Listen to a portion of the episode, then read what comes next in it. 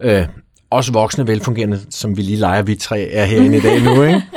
Der skal virkelig, virkelig meget til, at vi skulle miste selvkontrollen og begynde at kaste, smadre, slå og sparke. Altså, øh, det er, det, det, det er så voldsomme ting, som det, det er folk, der i trafikuheld, øh, når kvinder føder, kan være så voldsomt, at, øh, at man mister selvkontrollen. Ikke? Øh, men kan man sige, igen er vi på autismeområdet, jamen, så kan det være, at lille søster skal sætte sig på, det, på hans stol, øh, eller man har fået den forkerte madkasse med i skole, eller mm der er en, der siger, din mor, eller hvad ved jeg ikke, og så eksploderer det fuldstændig. Ikke? I dag skal det handle om konflikter, og hvordan man får færre af dem. Hvorfor er det okay nogle gange at give en is efter en stor konflikt? Hvad er opdragelse, og hvad er dannelse af selvstændige mennesker? Og er der en forskel? Velkommen til podcasten, er produceret af Molis, et psykologhus med speciale i autisme og ADHD.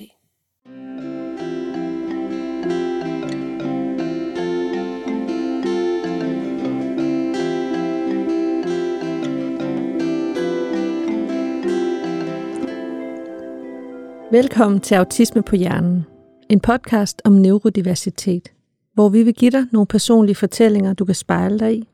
Vi vil give dig værktøjer til at navigere i en verden med neurodivergens, så vi alle sammen bliver klogere, og verden bliver et mere rummeligt og et rarere sted at være. Vi er Ea Karø, psykolog og specialiseret i autisme. Hej. Hej ja. Hej. Vores gæst i dag, Jakob Lenz, specialpædagogisk konsulent. Hej med jer. Hej som ved en masse om low arousal, som er overskriften i dag. Mm-hmm. Og jeg er Laura Vilskov, din vært. Nå, low arousal. Det er en tilgang, Yeah. mm-hmm, som bliver brugt på specialområdet. Det er en tilgang, som hjælper til færre konflikter. Mm. Øhm, og det er en tilgang, som mange måske kender ordet af, Ja. men hvad betyder det egentlig? Mm. Og hvordan gør man i praksis? Ja. Ja, Yes, det skal du hjælpe os med i dag, Jacob. det vil jeg da rigtig gerne. Ja. ja. Det er fuldstændig rigtigt. Det er jo en pædagogisk tilgang, og som du siger, det bliver brugt rigtig mange steder på specialområdet, men øh, vi, os der arbejder med det her, mener jo ikke, at der er nogen grund til, at det skal stoppe der. Vi synes jo, at alle mennesker, alle børn skal Ja. mødes øh, på den her måde. Ja. Hvad er low arousal? Low arousal er en øh, pædagogisk tilgang. I virkeligheden, så er low arousal bare en ramme, en struktur, vi putter pædagogik ned i. Og øh, for at vi kan komme til at gøre de, øh, kan man sige, de rigtige ting på de rigtige tidspunkter. Fordi nogle gange så sker der faktisk det, at man som forældre kommer til at lave nogle helt, øh, kan man sige, ganske udmærkede pædagogiske indsatser, men man gør det på det forkerte tidspunkt.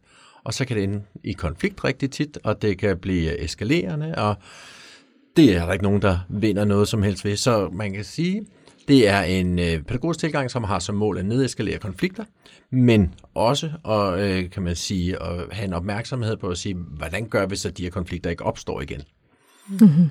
Så øh, Altså både det forebyggende aspekt og ja, også øh, håndterende nu og her. Ja, altså, og, og, og, og man kan sige, det, det, det, det er små detaljer, men i virkeligheden, vi snakker jo ikke om forebyggelse, vi snakker om forandring. Mm. Øh, og, øh, og, og, og, og de er meget, meget tæt i familie sammen, så det er, ikke, øh, det, det, det, det er stort set det samme, men, men, men man Men kan det er sige, godt lige at få begreberne helt på plads, Ja. tænker jeg, så Ja. vi er helt enige om, hvad det er, mm. vi snakker om. Ja. Ja, og det er jo nemlig så en pædagogisk tilgang, og øh, en tilgang, som indeholder metoder. Jeg synes jo, det er vigtigt at sige, at low arousal er ikke en metode.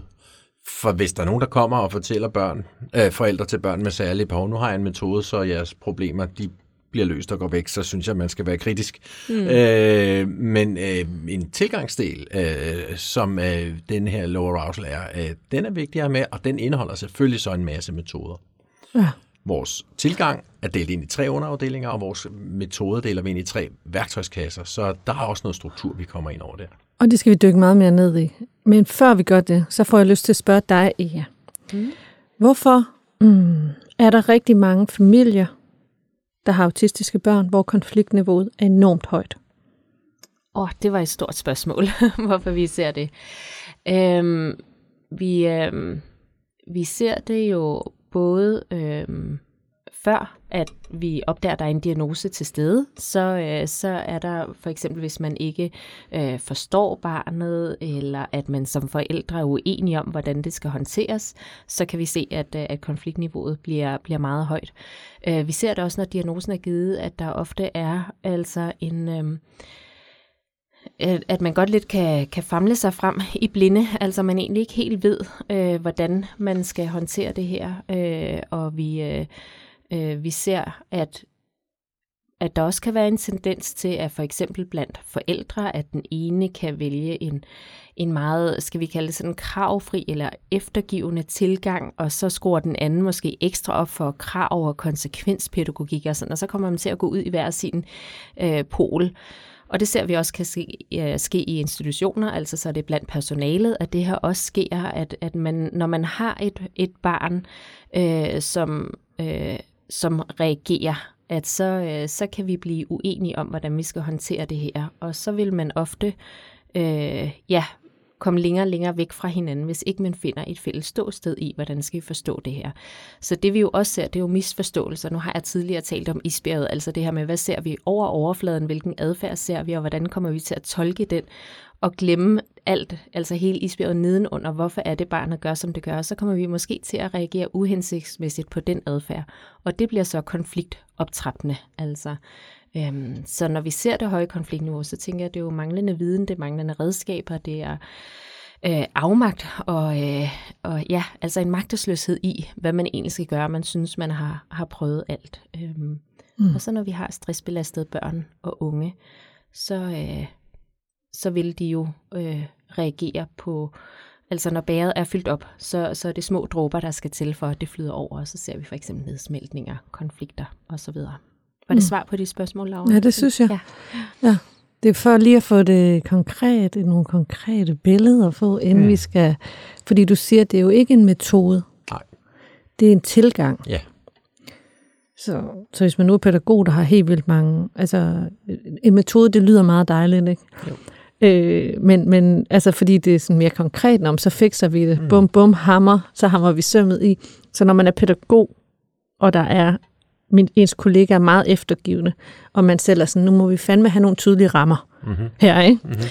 Øh, og det, det er simpelthen, der er konsekvenser, så kan du ikke være med, hvis du mm. ikke, og du, du, du, det. Mm. Øh, hvordan kan den her tilgang så hjælpe en? Ja, altså helt overordnet set, øh, når, når, når vi er inde i det, du taler om der, så, så plejer jeg, øh, kan man sige, at, at bruge et billede, øh, et meget enkelt billede, det er to kasser i virkeligheden. Det ene hedder det opdragelsesmæssige felt, og det andet kalder det pædagogiske felt. I det opdragelsesmæssige felt, der har vi de gamle klassiske metoder, skæld ud i rettesættelse, straf og konsekvens. Der har vi lydighed som øh, mål, og vi har kontrol som øh, noget af det, som vi sigter efter. Og øh, altså, ligegyldigt, synes jeg, hvordan man vender og drejer det, så kan det bare ikke være nogen interesse at få lydige børn. Mm. Lydige børn, det bliver til lydige voksne og unge mennesker, og, og, og er man rigtig lydig, så er der nogle få steder, man passer virkelig godt ind, og det bedste sted, det er kriminalitet. Det er virkelig en spidskompetence her at gøre, hvad nogen over en siger, ikke også? Så øh, vi er simpelthen... Øh, øh så, altså hvordan? Det skal du lige forklare. Øh, jamen altså, øh, hvis du fra start af øh, får at vide, at, øh, og øh, vokser op med, at mm, du, du, hvad du siger betyder ikke noget, og du skal bare gøre, hvad jeg siger, for jeg er større end dig, jeg er stærkere end dig, jeg er ældre end dig, fordi jeg er din far, eller fordi at øh, jeg er højere i gangsterhierarkiet, eller hvad det nu kan være. Øh, det, der er vores mål i lower arousal tilgang, det er det fuldstændig modsatte. Det er det, der ligger over i det pædagogiske felt. Og det er jo her, øh, hvor vi har det, vi kalder autonomistøttende pædagogik. Og det, og det er jo virkeligheden, det vi i al vores tilgang, i alle vores værktøjskasser, vil ind til at kigge på, det er autonomistøttende. Mennesker har ret til at være dem, de nu engang er. Så skal vi hjælpe og støtte og lave nogle rammer rundt omkring øh, de her børn og unge, hvad vi har med at gøre, hvor det her bliver så, øh, kan man sige, så godt som muligt for, øh, for alle parter. Øh, mm. Så du siger, at det skaber kritisk, hvis man er autonomistøttende, så laver man kritisk bevidste borgere? Det er, jo, det er jo lige præcis der, hvor vi gerne vil hen, ikke? eller man kan sige, øh, øh, øh, ens egne børn ved fra start af, at jeg har indflydelse på mit liv.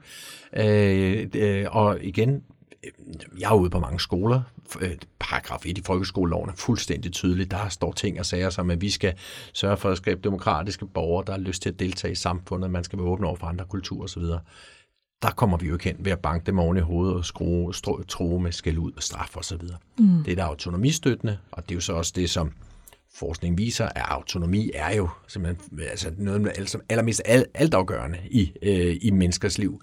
Hvis vi, det modsatte af autonomi, det er kontrol. Hvis ikke man oplever autonomi, man, man bliver simpelthen på sigt øh, syg, og man øh, kan risikere at blive deprimeret og øh, få stress. Så det er jo der, vi lige netop ser, at jeg mistrivselen i allerhøjeste grad. Ikke? Ja. Og, og, og lydige, altså børn kan jo både ja, øh, passe rigtig godt ind i nogle meget øh, uhensigtsmæssige hierarkiske opbygninger, øh, som kriminalitet eller mm. rockermiljø, eller hvad det kan ja. være.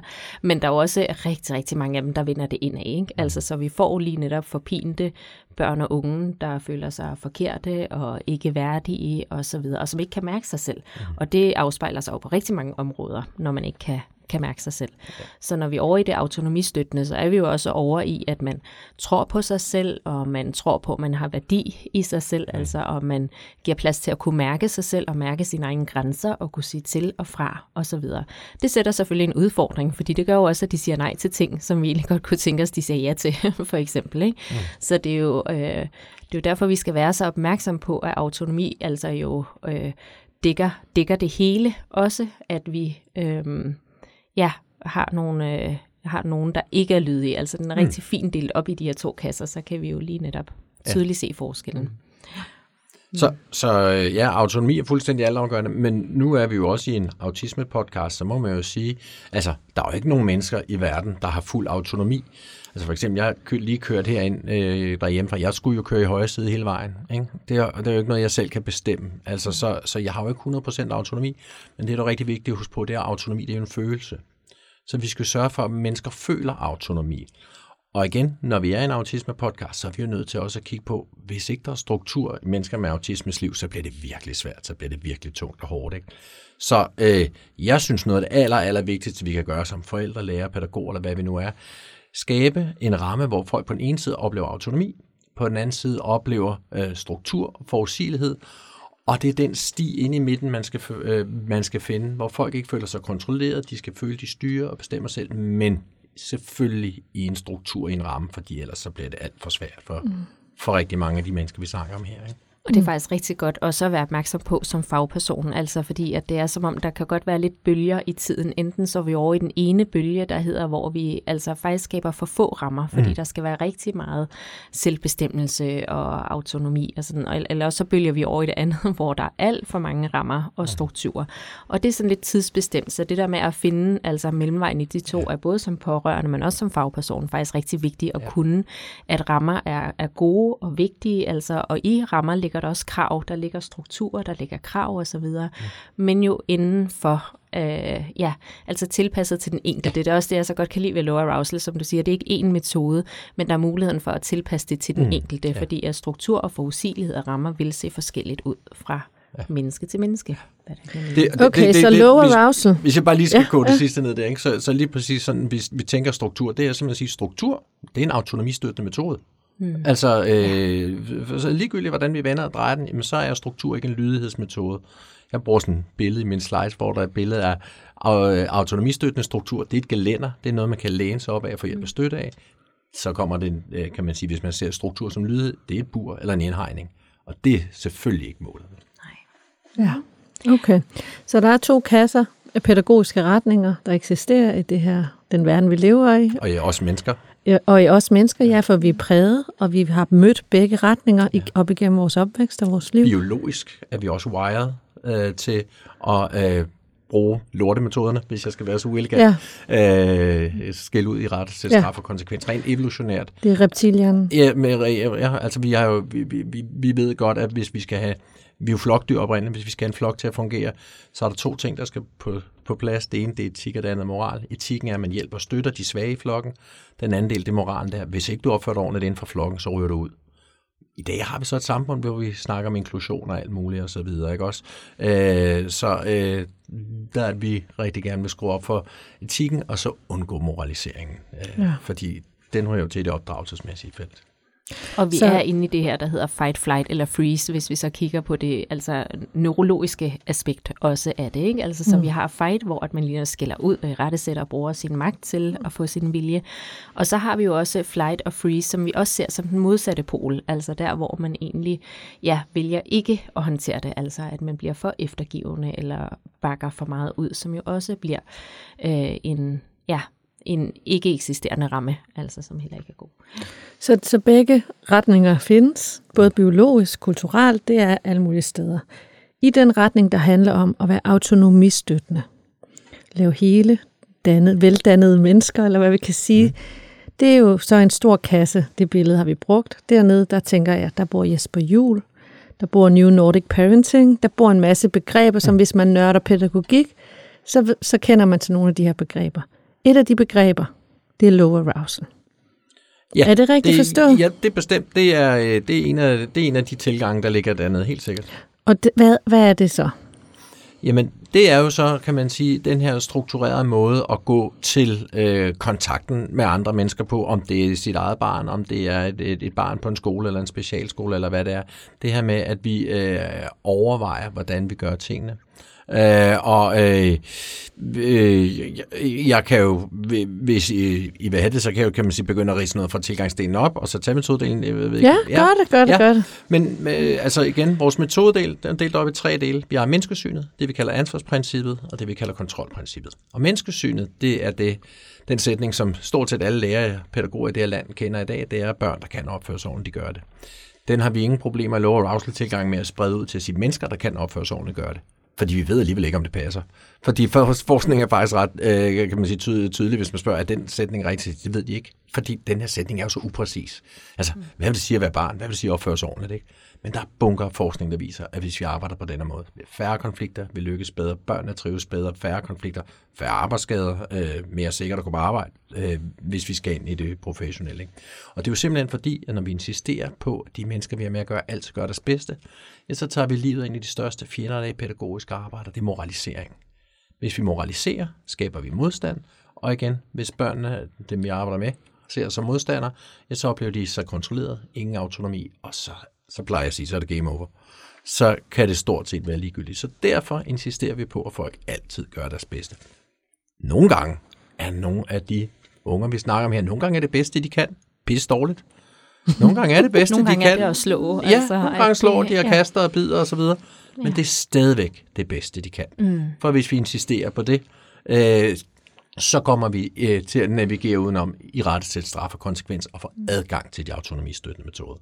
Så det er jo rigtig vigtigt at sige, at når vi insisterer på, at mennesker altid gør deres bedste, så er det ikke fordi, det her det er laissez-faire. Det er ikke sådan, at vi siger, at hvis der er et barn, der har smadret det hele klasselokale om mandagen, så læner vi os tilbage og siger, han gjorde sit bedste, lad os håbe, det går bedre i morgen. Ikke? Det er Nej, ikke men det nok. giver jo en, et udgangspunkt for, at vi er nysgerrige på det, at vi gerne vil prøve at forstå ja. det, at vi finder logikken i det, at vi også prøver at finde ud af, hvad er det for nogle strategier, ja. det her barn har til rådighed osv. Ikke?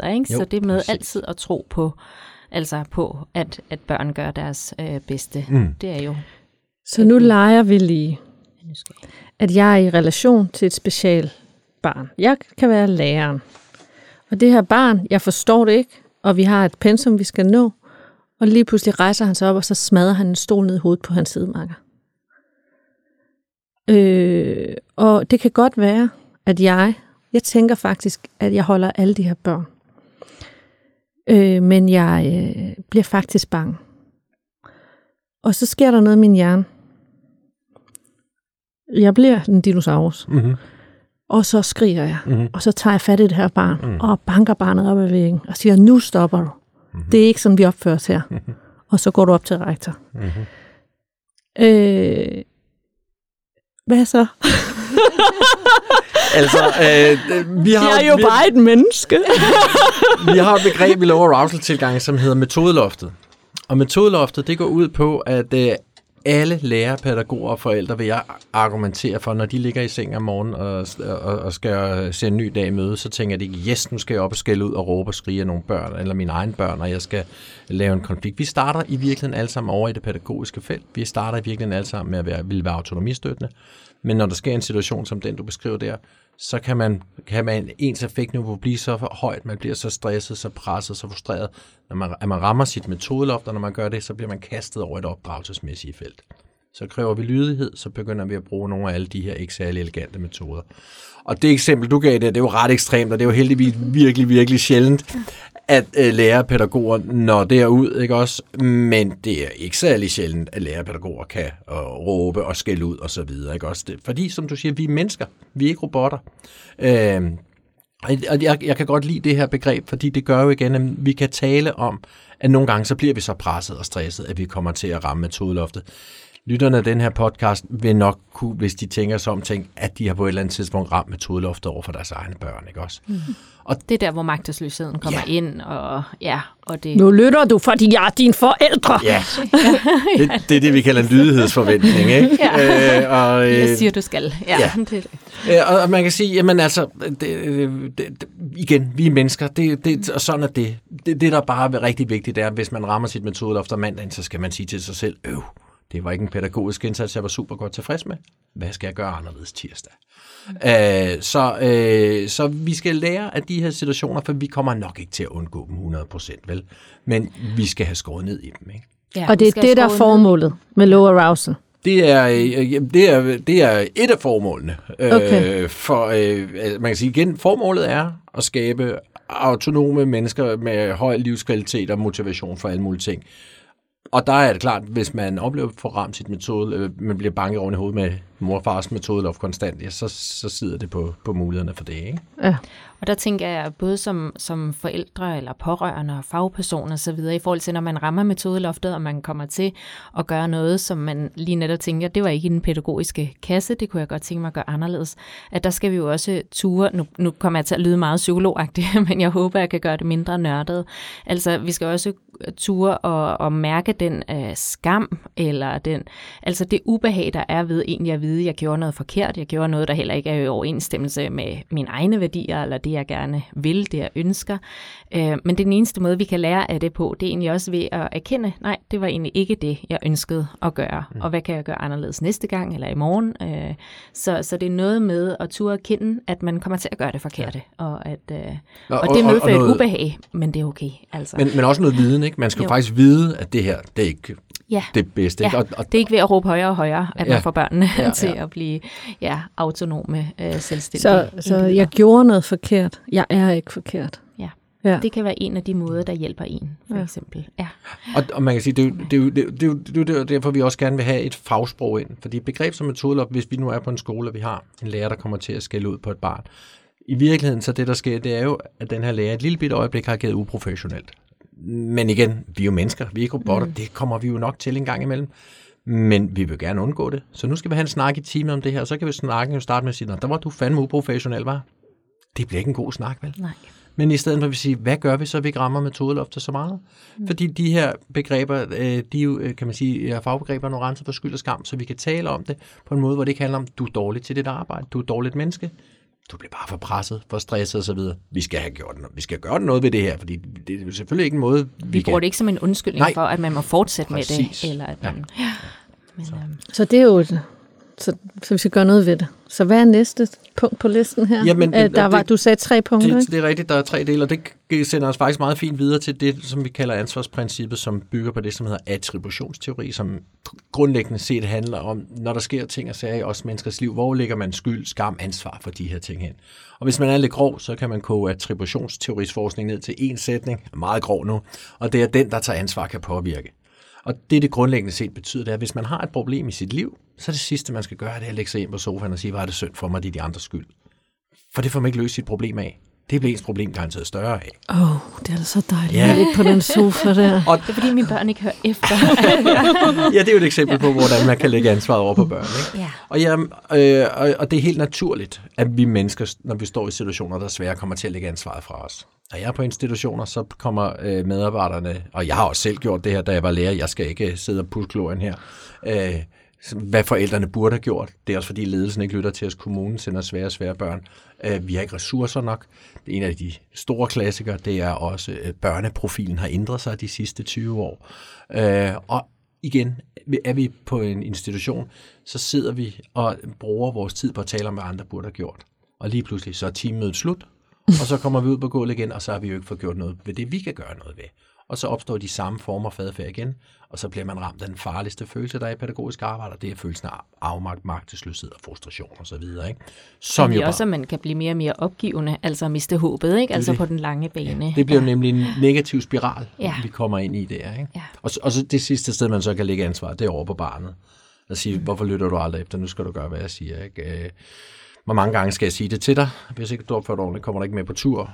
Og alle de her klassikere, ikke også? Øhm, og det er klart, det er noget, man siger, når man er frustreret og føler sig magtsløs. Der er ikke nogen, der ønsker at sige det der, men det hjælper os jo ikke at sige det. Det gør faktisk vores situation værre, som vi står i. Ikke? Vi risikerer at eskalere en konflikt og skabe modstand og så videre. Ikke?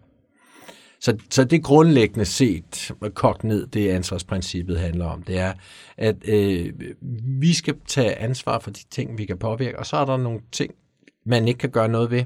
Det er pissirriterende. Mm. Men nogle gange, så må man bare sige, sådan er det jo. Mm. Jeg plejer sådan at, at have to cirkler, altså så vi har den ene cirkel, øh, hvor, at, hvor, hvor vi har kontrol, altså, og det ligner de ting, vi kan influere på, og, som, og det er, hvad jeg selv tænker, og hvad jeg gør, og altså min adfærd og så videre. Det er de ting, vi har kontrol over. Og så den anden cirkel uden om den, det er alt det, vi ikke har kontrol over. Altså, og det er jo, hvad andre gør, og hvad andre siger, og hvad skolereformen siger, og hvad ja, vores øh, øh, mands humør er, og, og hvad det nu end kan være, som som, man jo kan bruge som forklaringer på, hvorfor vi gør, som vi gør. Men egentlig mm. har vi sådan de her to cirkler. Det vi selv har indflydelse på, og det vi ikke har. Altså. Okay, så Den du har... den er dejlig enkel i hvert fald til at forstå, okay. fordi at, at nu, nu taler du om for eksempel teammøder, altså jeg kan jo se i terapi, at der kommer vi også rigtig tit til at snakke om, altså hvad andre gør, eller hvad andre er, er skyld i for eksempel. Men at komme tilbage til den der cirkel, hvor jeg faktisk selv kan påvirke det. Altså. Ja. Det er jo og, der. Og, så, og, men, men jo rigtig vigtigt, ikke? Altså, at, at når, vi, når vi gør det der, så er det jo ikke for at lægge skyld og skam på den enkelte. Det er jo faktisk for at fjerne frustration og magtesløshed ja. fra folk. Ikke også? Ja. Øh, Giv en følelse af, at vi kan faktisk gøre noget. Altså, ja. der er ting, vi har indflydelse på. Der er ting, vi har kontrol over. Okay, så ja. leger vi lige noget igen. Ikke? ja. jeg har, øh, vi leger, jeg har en datter, der har en Aspergers-diagnose, som vi har opdaget sent. Hun har det helvede til. Hun er deprimeret. Hun skærer sig selv. Vi kan ikke få hende til at spise. Hun har også begyndt at sulte sig selv her på det sidste. Jeg er pisse bange hele tiden. For hvor skal det her ende? Kommunen, lader os vente. Hvad fanden kan jeg gøre? Det er kraftet med, der ikke en skid, jeg kan gøre. Er der det? Undskyld mit sprog. altså, altså, hvis jeg lige skal, skal svare først, så skal jeg lige binde folk om, at du introducerede mig som specialpædagogisk konsulent. Jeg er ikke psykolog, så det skal man vide jo, når man øh, hører, hvad jeg svarer nu. Fordi øh, jeg, jeg er uddannet lærer, men altså pædagogisk set, så vil vi jo øh, arbejde med det på den måde at sige, hvordan får vi stressen ned for den her person? Hvordan sørger vi for, at de oplever autonomi i deres liv? Hvordan sørger vi for, at øh, der kommer struktur, forudsigelighed, ja, mindre krav, mindre stress osv., øh, gode oplevelser osv. Øh, øh, man kan sige, noget af det, som ligger over i vores forandringsværktøjskasse, som vi kommer til senere, ikke? hvordan vi sørger for, at folk oplever autonomi, samhørighed og kompetence. Det er mit overordnede svar, så kan I ja, nok noget ja. mere psykolog. Ja, altså det er, det er kun som supplement, for det var bestemt også noget af det, som, øh, som jeg ville sige. Øh, så det er jo lige netop at, at kigge på, at nej, vi kan jo ikke øh, vi kan ikke kontrollere din datters adfærd, øh, din hypotetiske datters adfærd fuldstændig. Vi, øh, vi kan jo lige netop tilrettelægge ting i miljøet, vi kan kontrollere vores egen adfærd, så der kan vi jo gøre ting i forhold til hende med lige netop alt det, som jeg kan blive sagde med at, at fjerne stress og tilpasse altså rammerne og så videre. Og så tænker jeg jo selvfølgelig, at, at jeg som psykolog også vil gå ind og arbejde med, hvordan kan vi få dig til at, at finde roen i den her situation, altså at få bearbejdet nogle af alle de følelser, du har, for det er jo også det, vi kan. Så, så det kan jo godt være, at vi står i en situation, som bare ikke kan ændres. Vi har nogle vilkår, der ikke kan ændres. Men vi kan jo godt ændre vores måde at være i det på. Altså vores måde at se det på, vores måde at, at opleve det på. Altså, øhm, og, øh, og, og der ligger jeg inden for en retning, hvor, at, hvor at det er ret værdibaseret. Altså så, så hvad er dine værdier, og hvordan kan du handle i overensstemmelse med dine værdier? Det er ikke altid det lette eller det nemme, det er heller ikke altid det behagelige eller det rare, men det er meningsfuldt. Altså så, så lad os sige, at værdien er for eksempel at være en god mor, så det er det, du har kontrol på. Hvad indebærer det for dig i handling at være en god mor? Det er jo også at kunne rumme sin datters smerte for de fleste også, ikke? Altså, så vi kan jo godt være til stede i den situation, uden vi nu er her kan ændre noget. Giver det mening? Det giver god mening. ja. Og, og man kan sige igen, fra low arousal perspektiv, øh, som I er jo også inde på, vi skal have stressen ned, og det, det, det, det aller, aller første, man kan gøre, som man kan prøve at påvirke, det er, at man kan, øh, man kan jo selvfølgelig ikke bare sænke sit eget stress, men man kan signalere mindre stress til sit barn. Jo mere man stresser som forældre, jo mere stresser barnet. Så kan vi få stress ud rundt omkring barnet, så har vi taget et første stort vigtigt skridt, ikke? Så det er jo hele det her effektsmitte, hvordan mm. at vi jo simpelthen bare kommer til at smitte hinanden med vores øh, ja, spejlneuroner i hjernen. Ikke? Øh, så der kan vi faktisk også påvirke rigtig meget ved at være opmærksom på, hvilke signaler vi selv udsender. Ja. Tak. Og undskyld min voldsomme øh, øh, øh, fantasier her. Men, men, men, men, Men de det skal du findes ikke jo i undre. Det er jo det, virkeligheden. der er jo masser af rundt omkring, der står Ja. i de der ting. Det er jo så desværre ikke kun fantasi. Nej, Nej. det er jo ja, Ja. det, vi ser. Så der kommer sikkert flere. Nu fortsætter du lige for. nu har vi haft øh, mænd snakket og hørt om menneskesynet, som er en grundlæggende tilgang i low arousal. Så har vi snakket om ansvarsprincippet, som handler om, at vi skal fokusere på det, vi kan ændre. Mhm. Og det sidste princip, Det er kontrolprincippet, og det handler om, at alle mennesker ønsker at have deres selvkontrol. Der er ikke nogen, der har lyst til at kaste, slå, smadre, sparke, knalde hovedet ned i gulvet. Øh, men vi kan alle sammen blive så tilpas presset, at vi mister selvkontrollen. Øh, også voksne, velfungerende, som vi lige leger, vi tre er herinde i dag nu, ikke? Der skal virkelig, virkelig meget til, at vi skulle miste selvkontrollen og begynde at kaste, smadre, slå og sparke. Altså, øh, det er, det, det, det er så voldsomme ting, som det, det er folk, der i trafikuheld, øh, når kvinder føder, kan være så voldsomt, at, øh, at man mister selvkontrollen. Ikke? Øh, men kan man sige, igen er vi på autismeområdet, jamen, så kan det være, at lille søster skal sætte sig på, det, på hans stol, øh, eller man har fået den forkerte madkasse med i skole, eller mm. der er en, der siger, din mor, eller hvad ved jeg, ikke? og så eksploderer det fuldstændig. Ikke? Øh, og der er det, vi siger i low arousal tilgang, der er intet, intet vigtigere i pædagogisk arbejde eller i forældreskab, end at børnene har deres selvkontrol. Det er nummer et, det går forud for alt. For det første, der har man usundt med selvkontrollen. For det andet, jamen, hvad er, hvis vi er derhjemme, hvad skal vi have ungerne til? Vi skal jo nogle gange have vores børn i bad og klippe negle, og de skal sætte en tallerken på plads, og de skal nogle gange slukke iPad'en. Vi skal jo stille alle mulige krav. Og du kan ikke få et barn til at klippe negle, hvis de kaster med møblerne, vel? Vi kan simpelthen ikke lykkes, hvis ikke at øh, de har selvkontrollen. Ikke? Og det sidste, altså, de risikerer jo, man får den der stol over fødderne, det kan være farligt. Ikke? Ja. Øhm, så alle mennesker ønsker at have deres selvkontrol, og det hjælper børnene os heldigvis med. Og det gør de gennem et af de vigtigste begreber, vi har i low arousal tilgang, og det hedder strategisk adfærd. Så strate- strategisk adfærd er former for adfærd, børnene bruger for at opretholde selvkontrollen. Så det er noget, de gør, fordi de ikke vil slå, ikke vil smadre, ikke vil ødelægge osv. Så det er noget, de gør for at hjælpe os. Det er så bare ikke altid, at de her former for adfærd bliver set som en hjælp, fordi det kan være at nægte, det kan være at stikke af, det kan være at lyve, det kan være at tro, det kan være at råbe, skælde ud, spytte, kalder man afstandsadfærd.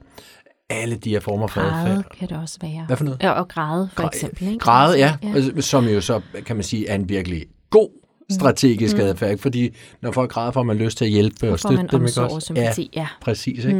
Mm, Ja. Øh, men hvis man bliver kaldt, fuck dig fede luder, så sker der noget andet, ikke også? Mm. Øh, og, øh, og det er lige præcis, som du nævnte isbjerget tidligere, det, der, det, det, det her begreb hjælper os med, det er jo simpelthen, når vi ser de her former for adfærd, jamen så, så er det grundlæggende set, det der ligger under overfladen, det er, at de prøver at holde selvkontrollen. Så det, de i virkeligheden siger ungerne med de her former for adfærd, det er, undskyld, er du sød lige at træde to skridt tilbage og trække lige dit krav, når du er i gang, ikke? Mm. Ja. Den sætning hører man ikke så tit for mange af de unge her, fordi de er presset, de er stresset, de har svært ved at regulere og så videre. Ikke? Og de det- ved det heller ikke selv nødvendigvis. Nej, nej. altså, så det er jo også en, en Ja. ja. altså, en god pointe. Øh, ja, spontan adfærd fra dem, eller hvad vi skal kalde det. Ja. En intuitiv adfærd. ja, altså. det, det, det, var, det var den bedste løsning i en dårlig situation, de ligesom Ja. kunne trække op af Ja, hatten. Ikke? Ja, og nu sagde jeg græde. Jeg tænker, at, at grådet kan være mange ting. Der kan også være den hysteriske gråd, som, som så også kan vække noget andet. Ikke? Så vi ser Ja. ja. det på rigtig mange altså forskellige måder, Ja. ja. at, at børnene jo lige netop fortæller os her en, en situation, jeg ikke kan, kan håndtere, eller et krav, jeg ikke kan håndtere. Ja. Mm. Og, og, og, så, så, øh, så øh, barnet har kaldt dig fede luder og øh, ødelagt et eller andet.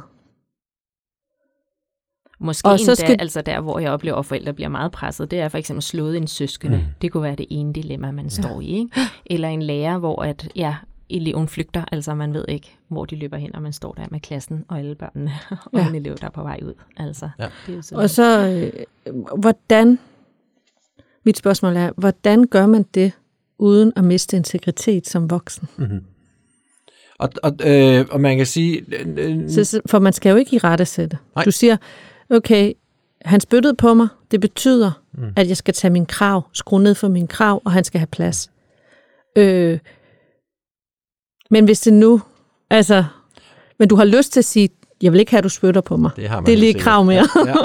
Øh, men man kan sige, det, det, altså det vi jo virkelig gør nu, det er, at vi bevæger os ind i værktøjskasserne jo. Ikke? Siger, fordi hvad gør vi så i det situation? Nu er vi blevet spyttet på, ikke? Og, og, og, og, og, og det er klart, det sekund, vi er blevet spyttet på, ja, så er vi jo i en eskaleringsfase, eller der er virkelig noget på spil her. Ikke? Også nu er der en konflikt, ikke? Og når vi er i en konflikt, så rører vi håndteringsværktøjskassen. Og når vi håndterer, så har vi to mål. Enten at barnet skal holde sin selvkontrol, eller genvinde sin selvkontrol. Det er det eneste mål, vi har. Det vil sige, at vi er 0% optaget af læring, vi er 0% optaget af udvikling. Så den der spytklat, jamen det første man gør, det er at tørre den væk. For den er jo sendt afsted. Nu er vi jo optaget af at sige, hvad gør vi, så jeg ikke bliver spyttet på igen? Hvad gør jeg, så lillebror ikke bliver slået igen, og så videre? Fordi jeg kan jo ikke spole tiden tilbage. Så sådan en situation, den skal håndteres, evalueres og forandres.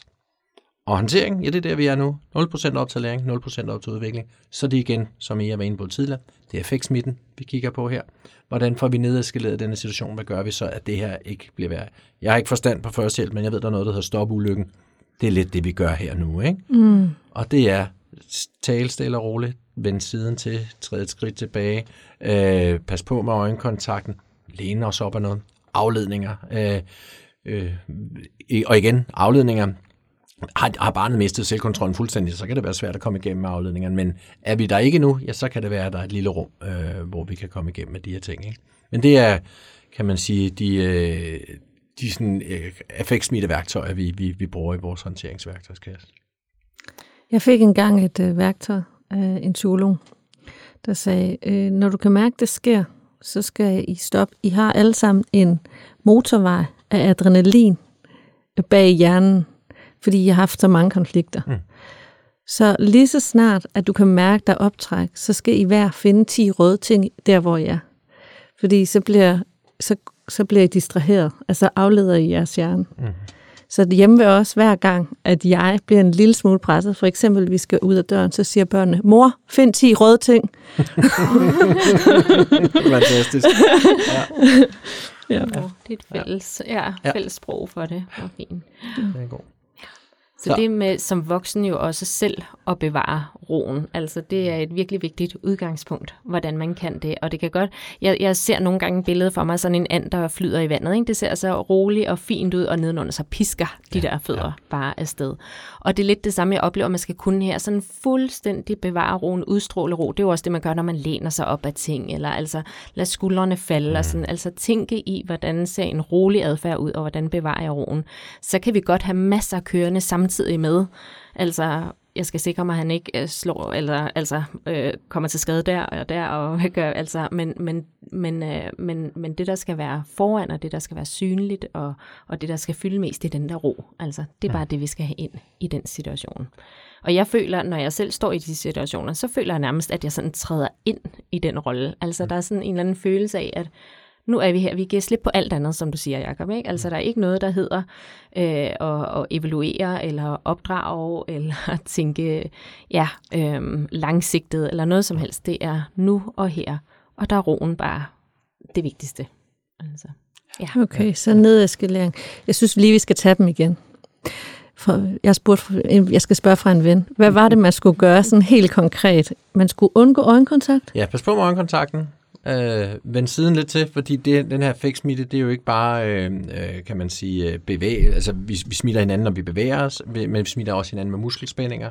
Så hvis vi står front mod front, så er alle, muskelspænding, alle muskelgrupper blottet over mod den anden, og så står vi bare og smitter hinanden. Så der, derfor drejer man, man, det er jo en lille smule, vi kan stadigvæk have, det er jo, og, og, det, og det er i virkeligheden, er det noget, man rigtig tit gør helt automatisk, når man står og taler sammen, man lige sætter en lille vinkel på, det gør vi helt ubevidst. Ikke? Det har vi faktisk også gjort, sådan som vi sidder her ja. i studiet. Altså, der er heller ikke nogen af os, der sidder sådan direkte nej, over for hinanden. Ja. Det bliver meget, meget konfronterende ja. lynhurtigt, ikke? Jo. Øh, ja, så er det det her med at skabe noget afstand. Man kan, man kan bruge det, der hedder grounding. Det handler om, at så står man, og så gør man så helt sådan tung og dvask i kroppen og bliver sådan helt øh, blævret ikke? Så praller de her spejlprocesser lidt mere af. Øh, så, øh, altså, ja, afledningerne, dem, og dem deler vi ind i tre kategorier faktisk, for at vi bedre kan, kan man sige, jonglere med dem. Vi har de konkrete, de affektive og de perceptuelle afledninger. Og konkret, det er bare der, hvor man ser, er ens ro nok til at smitte barnet, at man bare står der og være rolig. Nå, okay, jamen det kan jeg godt se, skat, og så videre. Eller så kan man lave den affektiv, hvor vi prøver at lave, eller, eller følelsesmæssig, hvor vi prøver at lave lidt fis og ballade, gøre grin med os selv, fordi kan man få barnet til at grine, så lukker vi lidt luft ud af ballonen. Øh, det er klart, de skal ikke tro, vi gør grin med dem, eller ikke sammen alvorligt, så virker det modsat, ikke? Men kan vi gøre grin med os selv, eller med partneren, eller vores kollega, eller hvad vil jeg, så kan vi hjælpe os selv. Ikke? Øh, og det er også her, og det er selvfølgelig ikke noget, man kan gøre, hvis man er øh, kan man sige, alene med sit barn, men at lave øh, voksenskiftet. Øh, så hvis barnet er rasende på mig, jamen, så går jeg ud og tømmer opvaskeren, og så kommer min kone ind og prøver at se, om øh, hun kan komme igennem et eller andet, for hun kommer med et nervesystem, som ikke er øh, forhøjet, fordi hun har stået i den her konflikt. Ikke? Og så har vi den sidste, den perceptuelle afledning, som handler om, her afleder vi på føleapparatet, giver et glas vand, kop te, et stykke tyggegummi, man går udenfor, går bølgerne rigtig højt, så henter man en sunlolly ud i fryseren, ikke? Koster en krone. Det er billigt sluppet, ikke? ja, uh, I forhold til en smadret stue. I eller? forhold til smadret stuer og vinduer og alt muligt, ikke? Og så er der så nogen, der siger, nå, okay, nu er lower arousal tilgang vist sit sande ansigt. Vi skal bare hælde is i hovedet på børnene, så er der ingen problemer, vi skal også? belønne uhensigtsmæssig ja, adfærd. Præcis, eller sådan, ikke? Ja. Uh, og uh, der, der skal vi for det første jo have på plads. Det er jo ikke det, der sker. Uh, Øh, det, øh, behavioristerne, og igen, jeg er ikke psykolog, men det har jeg lavet mig fortælle, behavioristerne viser, at der er et vindue på 0,6 sekunder, hvor man kan positivt forstærke adfærd. Så hvis vi har et barn, der står og kaster med stol, så skal vi altså ind og levere den der is 0,6 sekunder efter stolen er kastet, hvis vi vil forstærke adfærd. Og det er jo ikke det, der sker. Det, der sker, det er, at vi kommer med to is og siger, ved du hvad, jeg har brug for en is, kan du ikke have en med? Og så er det, man siger, nå, jamen, så nu skal vi bare give is. Nej, fordi det eneste, den her is har gjort, det er at hjælpe os med at håndtere konflikten. Mm. Nu skal og vi jo lave en evaluering og en forandring. Eller, ikke? Nu skal vi gøre et eller andet, fordi det er klart, giver man is fem dage i træk i de her situationer, så bliver det noget råd. Det bliver ikke smart og godt, vel? Mm. Men gør man det en gang imellem, og hvis man, det så går galt igen i morgen, så henter man et glas cola, eller hvad ved jeg. Ikke? Øh, og igen, det behøver ikke at være noget, vi hælder i ungen. Det er bare ret kraftfuldt tit, de her søde ting. Øh, ja, så men, når du siger, at vi skal have gang i føleapparatet, så, så er det sanseapparatet ja, også, vi taler om, og ikke, ikke følelserne. Altså, ja, ja, men, øh, tak. Ja, ja, yes, men sanserne. Yes. Øhm, og det er jo også der, hvor jeg tænker, at forældreopgaven eller altså fagpersonopgaven nogle gange bliver meget stor, fordi vi skal jo have et kæmpe lager af de her sådan, øh, ja, øh, ja, redskaber, eller hvad vi nu skal kalde det, altså at vi lige skal tænke, når jamen, det kan være en is, men det kan også være så meget andet, ikke? Mm. Altså, så vi skal have en stor, stor værktøjskasse, en god fantasi til at, at hive de her ting op. Og der oplever jeg, at for nogen ligger det meget intuitivt, at det faktisk er nemt for dem, og for andre kræver det rigtig meget øvelse, mm. altså det her med at, at bevare roen. Og, og det med at bevare roen, det er jo også, tænker jeg, altså nu ser jeg igen den her and for mig, ikke? Der, der flyder og, og benene øh, padler derud af. Det er jo selvfølgelig øh, først og fremmest, fordi vi gerne vil smitte med roen, og vi vil gerne forandre situationen, vi er i. Men det er jo også at give os selv ro til at tænke i det. Mm. Altså hvis vi er kuppet af kortisol og adrenalin osv., så, videre, så kan vi heller ikke tænke, hvad der egentlig er bedst at gøre i den her situation. Og det er jo også noget af det, der er vigtigt. Hvordan kan vi få en hjerne, der er i ro nok til at håndtere øh, situationen, vi står i. Mm. Ja. Mm. Mm, og så tænker så. jeg også rigtig meget over, øh, altså nu har vi talt meget kropssprog, der tænker jeg også sådan ansigtsmimik. Altså de fleste, hvis man er afslappet, så kan man faktisk godt se meget sur ud i ansigtet. Så man skal jo ikke decideret smile, men der kan godt være noget i, at man lige kan sørge for, at ens mundvige ikke er fuldstændig afslappet, men bare lige sådan lidt lidt oppe, eller tænke tonefald. Altså ja. jeg kan tydeligt mærke på mine egne børn, at mit tonefald har kæmpe betydning for, ja. hvordan de responderer. Det er faktisk næsten ligegyldigt, hvad jeg siger, men bare det, at jeg siger det i det rolige tonefald, det har en helt anden effekt, end når jeg bliver skinger. Mm. Eller ja, og, og, og, og, og, og talen også omkring muskelspændinger. Nu snakker jeg, mens jeg spænder i kæberne, ikke også? Ja. det gør bare også øh, et andet ja, udtryk. så man kan faktisk nærmest mærke det her Ja. ude i kæberne, ikke? Ja. Altså, at man kan slappe af i dem og ja. tale. Mm. Mm. Okay, Øh, så det var meget sådan hands-on. Mm. Øh, hvordan håndterer du en konflikt, Ja. som har til formål at ned? Og nedeskalere. Det vi måske lige kort skal have med som det sidste i håndteringsværktøjskassen, det er det, vi har snakket om nu. Det er, her er det jo stadigvæk, vi, vi har et barn, vi prøver at øh, få til at holde selvkontrol. Det kan jo godt være, at de har mistet selvkontrol, og nu bliver der kastet, slået, smadret og sparket. Og der skal vi lige have med, at der deler vi, det, det kalder vi kaosadfærd. Og kaosadfærd, det deler vi op i to dele. Det kan være farlig adfærd, og det kan være ikke farlig adfærd. Er det ikke farlig adfærd, er der bliver råbt og skrevet, tyret ting og sager nede i gulvet, jamen så griber vi ikke ind. Og det gør vi ikke, fordi det er den måde, konflikten hurtigst muligt bliver overstået på. Det er den måde, øh, det er sikrest på for alle parter, så der holder vi nælderne væk. Er det farlig adfærd? Jeg tager den syvårige hjemme ved morgenbordet øh, en tallerken og ved at gå over til i hovedet på den treårige, så står vi jo ikke og siger, at man har sin autonomi osv. Nej, så kommer vi selvfølgelig imellem og sørger for, at der er ikke nogen, der bliver slået til plukfisk. Det siger sig selv. Øh, men det er først, når det er farligt, vi griber ind. Ellers kan vi risikere at gribe ind alt for, tid, alt for ofte i, i de her situationer. Og i virkeligheden jo eskalere dem så, ikke? Okay. Vigtig detalje. Så, Så, noget af må det, man gerne sy- ødelægge ting. Øh, øh, altså øh, igen, må eller ikke må, det er jo... Øh, det, Altså, man hvordan vil du... Hvordan vil du Det, det jeg igen er optaget af, det er at sige, hvordan får vi skabt en ramme i hjemmet, hvor der bliver smadret så lidt som muligt. ja, Det, det, det må være målet, ikke også? Ja. Og det er ved, at vi håndterer, evaluerer for andre, og at når tingene så står på i situationen, ja, det kan godt være, at det koster et par potteplanter, men prisen ved at gå ind og lave fastholdelser i de situationer, Ja. den bliver alt, alt for høj. Og oven i købet, så kan det jo være farligt. Og måske som det sidste, vi skal have med her, det er, og det er jo specielt på øh, institutionsområdet, man lægger aldrig mennesker ned i fastholdelser. Det er en livsfarlig metode. Så øh, laver man fastholdelser, så er det folk, der står på benene og så videre. Vi skal aldrig lægge folk ned. Det er virkelig no-go. okay. Ja. Når vi er Okay. i de, ja, når vi er i de ikke farlige situationer, så øh, synes jeg, det er godt at tænke det som øh, nærvær med afstand. Altså, så vi er, vi er tæt på, men der er lige netop, der er ikke øjenkontakt, der er ikke berøring, altså der er ikke fastholdelse, der er ikke noget, men, men vi har nærværet, vi er tilgængelige, og vi smitter med vores ro. Altså, det, det er det, vi kan gøre i de situationer. Og, og generelt så få ord som muligt Ja, i de der også det, situationer. der ligger? Ja. Ja, så man skal ikke til at forklare, hvorfor at, man har, at de har gjort noget forkert. Nej, nej, nej, nej, altså det er jo... konfliktoptrappende. Ja, Michael McCready, som uh, han, han, er, han er desværre død i dag, men han var en af, af, de store tænkere inden for lower arousal. Han sagde altid, vi skal lære folk at svømme, men ikke mindst de er ved at drukne. Ikke? Nej. Og det er jo det, vi gør i de der situationer. Ja. Ikke? Så nu er ligesom konflikten overstået. Mhm. Øh, og det er ligesom lykke. Altså, og måske man skal give sig selv den gave, og så høre den her podcast efter konflikten, og se, hvor meget man lykkes med. Måske man lykkes med ikke at fastholde. Måske man lykkes med at have siden til. Altså man lykkes faktisk med at nedskalere konflikten, selvom at lænestolen gik i stykker. Mm. Ja, og man er lykkedes med, at det kun var to potteplanter, der gik i stykker, og det var ikke fem eller en lillebror, der blev slået samtidig. Ja, eller altså, ja. Så det der med at være succeskriteriet, ikke? Ja. at vi kan se en udvikling Præcis, i det. ikke? Ja. Ja. Ja, at, at, at, at forhåbentlig, så er det ikke om, om en måned, så er, det, så er det ikke stadigvæk fire gange om ugen, så er det to gange om måneden, det her går galt, ikke også? Øh, Ja. Ja. Så, øh, så det skal man lige huske at rose sig selv for. Man skal ikke ringe til sin øh, veninde, der har neurotypiske børn, og sige, ej, ved du hvad, han smadrede kun to potteplanter. Eller hun smadrede kun to pl- potteplanter, vel? Fordi Det kan i hvert fald være svært for dem, der man skal bare høre den her podcast, og så skal man ringe til Ia, hun forstår. Hvad det hedder. Øhm, men, men så skal der jo, det er jo håndtering i den her metodekasse. Og så er der to punkter mere. Der er evaluering og forandring. Ja.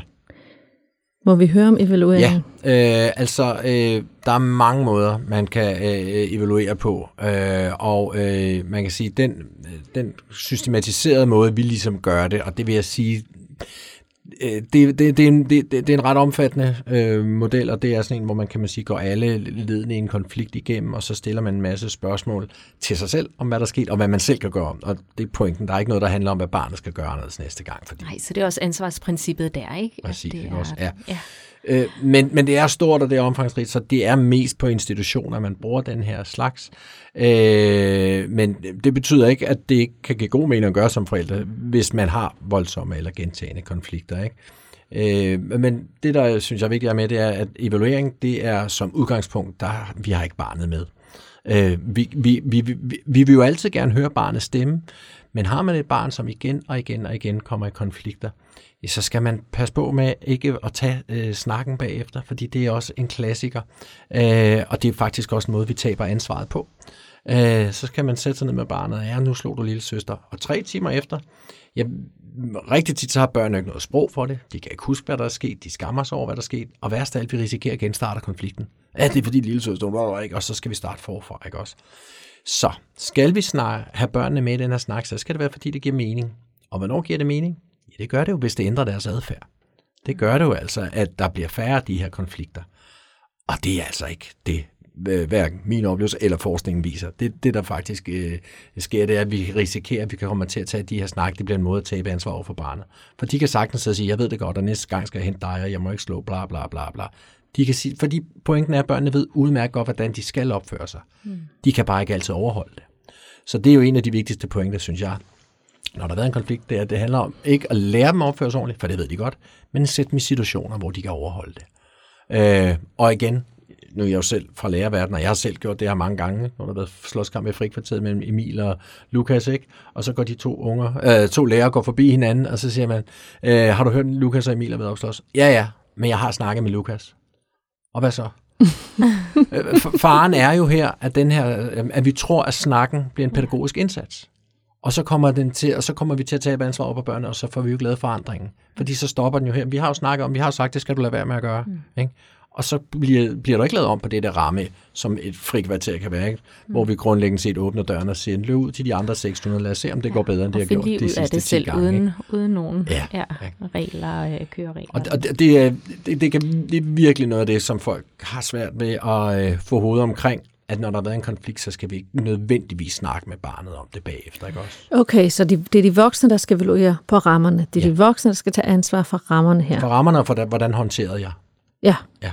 Så, så hvordan gør du det som voksen? Altså, hvordan vil du evaluere det på et lærerværelse? Eller? Jamen altså, så, øh, så, så har vi sådan en liste over 50 spørgsmål, og virkelig, når jeg holder mine kurser, selvom vi har to eller tre dage, så gennemgår jeg ikke med alle sammen, for folk kan ikke huske det alligevel. Men vi sender det som en evalueringsmanual, så man simpelthen kan sidde ned og gå frem efter de her. Fordi det er stort, og det er omfangsrigt osv. Men igen, det der det vi bare, kan man sige, som minimum skal sørge for, når vi laver evaluering, det er ikke at tabe ansvaret ikke at komme til at øh, sige, at det er også fordi mor, eller det er også fordi, at han ikke, øh, øh der er ikke blevet sat grænser for ham, eller han er lidt små psykopatisk. Det er også en klassiker, hvis der har været voldsomme konflikter og så videre, ikke også? Og så er det klart, så bliver det ikke en god evaluering. Ikke? Øh, men, øh, men, men, men det er simpelthen ved at kigge, øh, kan man sige, med nysgerrige øjne på vores adfærd, og hvad der må ligge øh, under øh, vandet i, i, i isbjergsmodellen. Ikke? Mm. Mm. Spændende. Mm. Og, hvis og man så skulle... er det jo også den, den lette evaluering, som foregår mellem to forældre om aftenen, når der lige er ro for eksempel. Ikke? Altså mm. bare det at lige at bruge nogle minutter på at snakke om, hvad var det, der skete egentlig her til eftermiddag? Men jo med, øh, med, den, med den ikke-moraliserende ja. tilgang også, ja. altså den nysgerrige tilgang for, ja, hvad kan jeg selv gøre anderledes? Og det er jo nok der, hvor det tit er i forældreskabet, at man øh, kan komme til at, at have mange idéer om, hvad den anden skal gøre. Mm. Så det her med at prøve at evaluere på egen banehalvdel, sammen med den anden faktisk, mm. og have den sparring mm. også. Og, og, og, og det man i, som forældre rigtig tit, det har jeg i hvert fald da selv oplevet, øh, i virkeligheden øh, måske noget der, hvor man får de bedste resultater evalueret, det har man får evalueret på tilgangsdelen. I, øh, var, havde jeg i virkeligheden en lydighedsforventning? Regnede jeg bare med, at der blev gjort, hvad jeg sagde? Øh, tænkte jeg, at ah, nu er han fræk eller provokerende igen? Øh, for øh, igen, får vi det på plads, så er det rigtig tit, så behøver vi slet ikke at begynde på vores øh, håndtering, evaluering, forandring, ikke? fordi mm. vi ikke får skabt modstand i første omgang. Ikke? Mm. Ja. ja.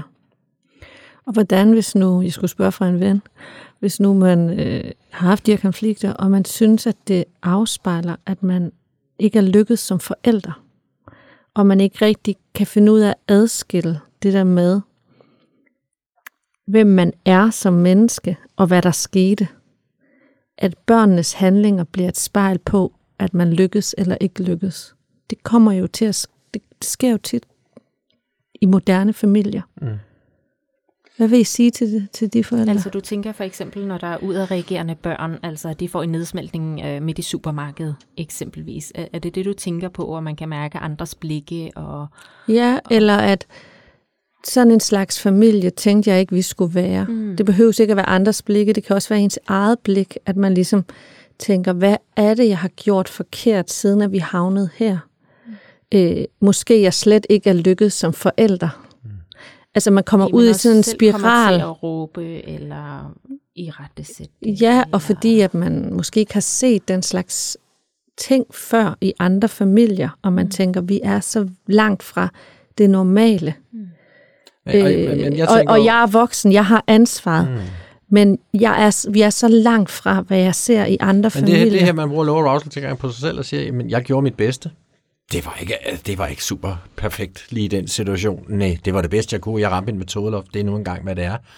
Øh, så øh, der, der, der har vi også den her, kan man sige, generositet over for os selv, forhåbentlig. Øh, og en eller anden psykolog har sagt, at jeg aner ikke, hvad han, hvad, eller jeg kan ikke huske, hvad han hedder, men jeg synes, det er rigtig klogt, og det er jo rigtig, det synes jeg er helt afgørende tænkning at have på plads det der med.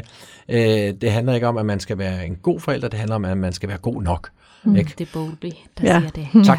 Ja, øh, og, og det er virkelig, øh, øh kan man sige... Øh, det, og jeg det, vi... tror, at, at, at, at forskningen der på det viser, at det er 30 procent af tiden, man skal være en god nok forældre. Eller sådan. Og altså, sige undskyld for resten. Ja, og have råd til at betale for en psykolog. Nej, men det... øhm, jo, jo, men ja. tage ansvar. Altså, det er faktisk også derfor, jeg siger undskyld. Mm. Altså, sige undskyld. Altså, lad være at putte sin fejl over på børnene. Ja. Det er jo det, der er kunsten også, ikke? Jo, og så er det jo rigtig vigtigt at huske på, at når vi snakker ansvar vores ansvarsprincip, jamen så ansvar er jo altid fremadrettet. Det handler om at sige, at det her gik galt. Hvis jeg, skal, ikke, hvis jeg skal have mindre risiko for at stå i den her samme situation igen i morgen, hvad skal jeg så gøre anderledes? Så øh, altså, og det, det kan man ikke helt lade være med, men drop skyld og skam over for sig selv, og vær bange sig selv oven i hovedet, og det er den perfekte verden. Og, og mennesker er forskellige. Nogle gør det hele tiden, og nogle gør det meget lidt. Men vi skal bare huske på at sige, jamen altså, det er jo ikke fordi, at jeg har lyst til at gøre de her ting. Det er noget, jeg kommer til, fordi jeg bliver for presset og så videre. Ikke? Mm. Og, og lige netop det med at tage ansvaret, som du siger, tydeligt over for sine børn, men jo også være en rollemodel i forhold til, at de også ser, at hvad gør man, når man har gjort noget, man ikke øh, ønskede at gøre. Altså, så, så vi kan jo også bruge det som en, en, en læringssituation på den måde at være den gode rollemodel. Mm. Øhm, og, så, øhm, og så tænkte jeg også lige på noget andet. Ej, nu mistede jeg helt, øh, helt tråden med, hvad det var. Det ville jeg ellers rigtig gerne have sagt. Det vender jeg tilbage til. det kommer nok lige lidt. ja, lige lidt, så går det. Ja. Okay. Og så skal forandring jo laves. Det er den sidste Det er den sidste værktøjskasse, ikke? Og det er jo den, øh, man kan sige, får vi lavet en god evaluering og har et eller andet idé om, hvad der gik galt, så er det, vi kan kigge på godt, og hvad gør vi så anderledes i morgen?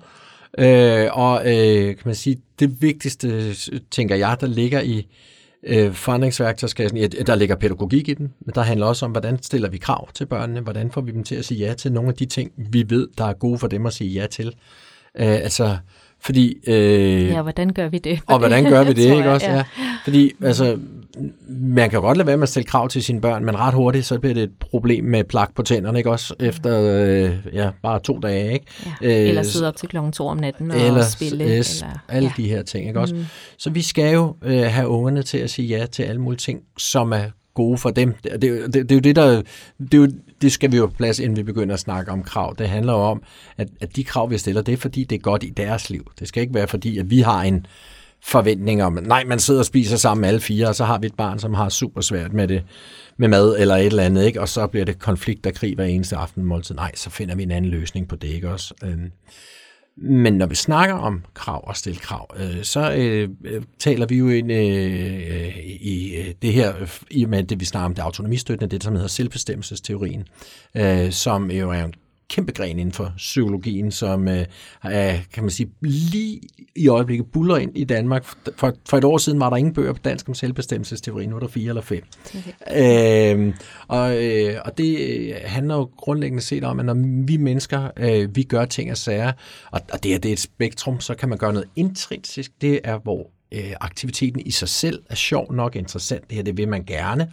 Øh, jeg er Manchester United-fan, der kommer Manchester United i fjernsyn i aften. Når det kommer, så tænder jeg intrinsisk. Det vil jeg simpelthen bare gerne se. Det gør jeg, mm. uden nogen øh, behøver at fortælle mig det.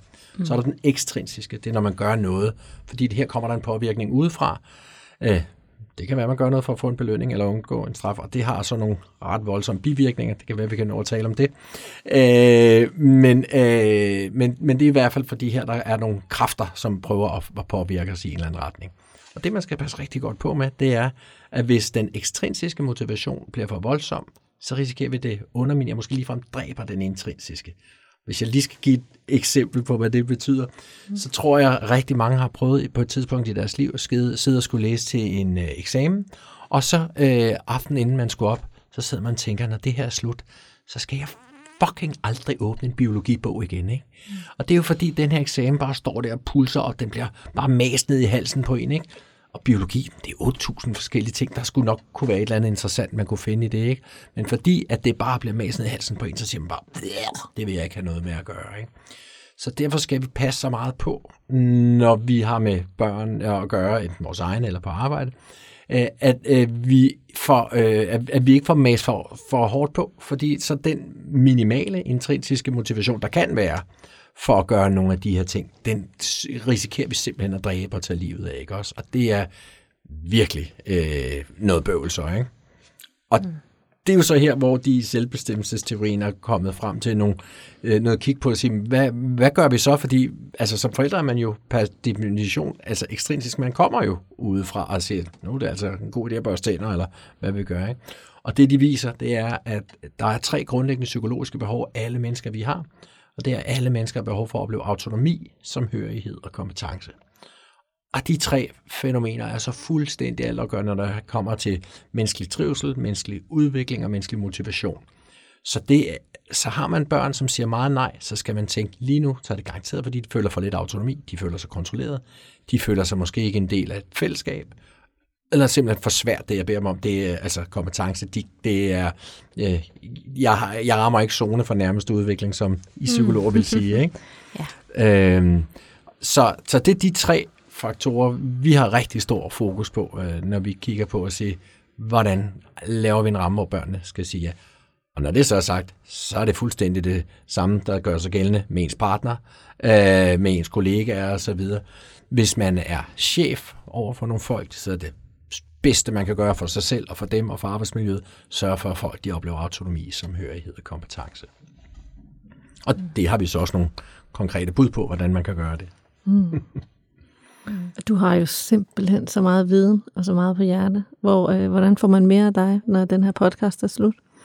Jamen, øh, man kan gå på lowerausel.dk, øh, og så kan man øh, læse lidt, øh, man kan se mine kontaktoplysninger, og hvis man vil øh, have noget helt øh, gratis viden, uden at skulle gøre noget som helst, så kan man lytte på den podcast, jeg laver med på Hejlskov. Øh, så har jeg sammen med to øh, dygtige Martimeo-kvinder udgivet et øh, par bøger omkring, hvordan arbejder vi med Martimeo og lower arousal i øh, øh, dagtilbud og i demensverdenen.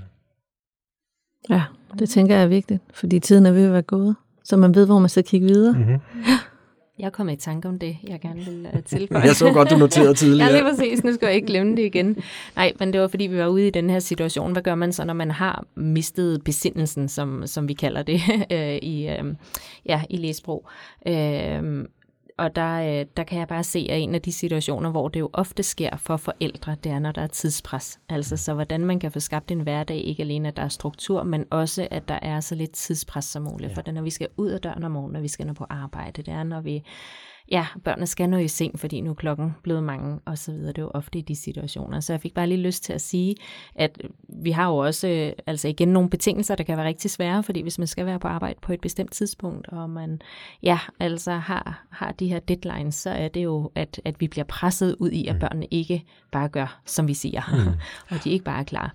Øhm, så noget af det, man jo også kan kigge på, det er, hvordan får vi altså øh, luft i, øh, i vores hverdag, altså mm. i vores schema, og, og en, en anden forventning om, at børn tager ikke sko på på 5 minutter. Altså ja. børn er faktisk 25 minutter om mm. at tage sko på, fordi at så var der lige en sten der, og så skulle de også lige fortælle om det der, og så hov, skulle de også lige tisse, og så videre. Ikke? Så det med at justere ens egen forventninger også til, hvor meget man kan nå på x tid. Præcis, for øh, igen, det øjeblik, vi presser på tiden, det bliver jo autonomibegrænsende. Kom nu, kom ja. nu, kom nu. Jeg skal have ja. dig til at gøre noget, du skal skynde dig. Og når vi står der og presser, så føler børnene sig kontrolleret, og så tager det længere tid at komme ud af døren. Ikke? Ja, så er det også eskalerende. Ja. Så skru ned for tiden. Tidspresset. Ja. Tidspresset. Hvad- Skru op for tiden. Ja, ja, så få for, for nogle strukturer og nogle rammer omkring det der, og husk på, at børn specielt øh, inden for autismeområdet kan have virkelig, virkelig svært ved bare lige at gå fra en aktivitet til en anden. Ikke? Ja, Også så give tid til skiftet Ja, også, ja, altså præcis. omstille sig. Ja. Øh, ja. Lille FIFA er bygget færdigt ind i en aktivitet, ikke? Øh, i stedet for at sige, nu skal du slukke om to minutter, så siger åh, oh, når du har spillet banen færdig, så skal mm. vi videre, ikke også? Så holder man sig lige nærheden, fordi ellers så går de jo i gang med næste bane, jo ikke også? Men så igen, uden at være øh, pressende, uden at stå med, og så siger åh, oh, skide godt, mand, du fik skudt ham til sidst, fedt nok, mand, så lægger vi den her op, så, så, så, så eller, eller man sørger for at øh, komme hen til næste sted, hvor du kan gemme din mand, eller et eller andet, mm. hvis de sidder og spiller, ikke? Øh, Og så videre. Så synes jeg, har lige, vi skal afslutte med, øh, at I svarer på, virker low arousal? Altså virker det? Ja. Ja. Det gør det.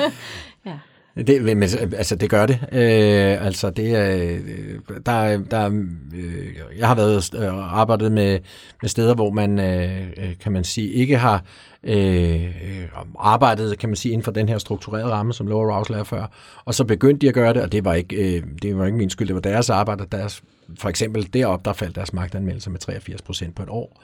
Øh, og, øh, og, og, og, og man kan sige, det er jo det første, vi skal have på plads, når man kommer ind et sted, hvor der er alt muligt bøvl, ballade, kaos og så videre. Det første, vi skal have ned, det er magtanmeldelserne, ikke også? Øh, og fordi det er jo igen et øh, eksempel på, der er nogle situationer, som ikke er gået, som vi havde drømt om, ikke? Mm. Så, så det, er, det er effektivt, og det, det, det er der øh, tal på alle mulige steder fra, ja. Ja. Så lowarousal.dk, hvis du arbejder et sted, der gerne vil have lidt sparring på Ja, det er min hjemmeside i hvert fald, så det er med, få det ned. Ja. Ja. og, og holder jo et par gange om året kurser ind i Molis. Ja, Der er man hos, også øh, meget velkommen, både på Sjælland og i Jylland. Ja. Holder du Ja. kurser om low arousal for både pårørende og professionelle. Yes. Og jeg får jo lyst til lige at gentage det, du startede med at sige. Det er jo faktisk ikke kun for specialområdet. Altså, vi præcis. tænker jo faktisk, det er noget, alle, Mm. alle kan have gavn af. Ja. ja. Så Ja. arbejder man i en klasse, hvor at, altså, hvor at man skal opfylde inklusionsloven, og, og man har øh, ja, alt fra neurotypiske til neuroatypiske og andre, så, så giver det stadig ikke mening, for, for det kan gavne alle, Mm. alle børnene. Mm. Ja, det, det, det er jo, øh, altså, alt hvad vi har talt om her i dag, det er almen menneskelige øh, faktorer, der er på spil. Altså, ja. alle har øh, behov for at opleve autonomi, alle har behov for at blive mødt øh, Ja. anerkendende, ikke dømmende og ikke moraliserende osv. Det, det, er der, det er der ingen forskel på. Man kan bare sige, er vi på autismeområdet, hvis vi ikke gør de her ting, så bliver de her børn mødt alt, alt, alt, alt, alt for ofte af det opdragelsesmæssige felt. Har vi børn, der er neurotypiske, øh, ja, så de kan tilpasse sig, og de kan få det til at fungere, det behøver ikke ind i konflikt, men det er, ikke, det er jo ikke fedt for deres udvikling. Nej. Øh, så Tusind tak for det. Selv Og tak for snakken. Mm, tak. Kæmpe Tak. fornøjelse. Tusind tak. lige måde.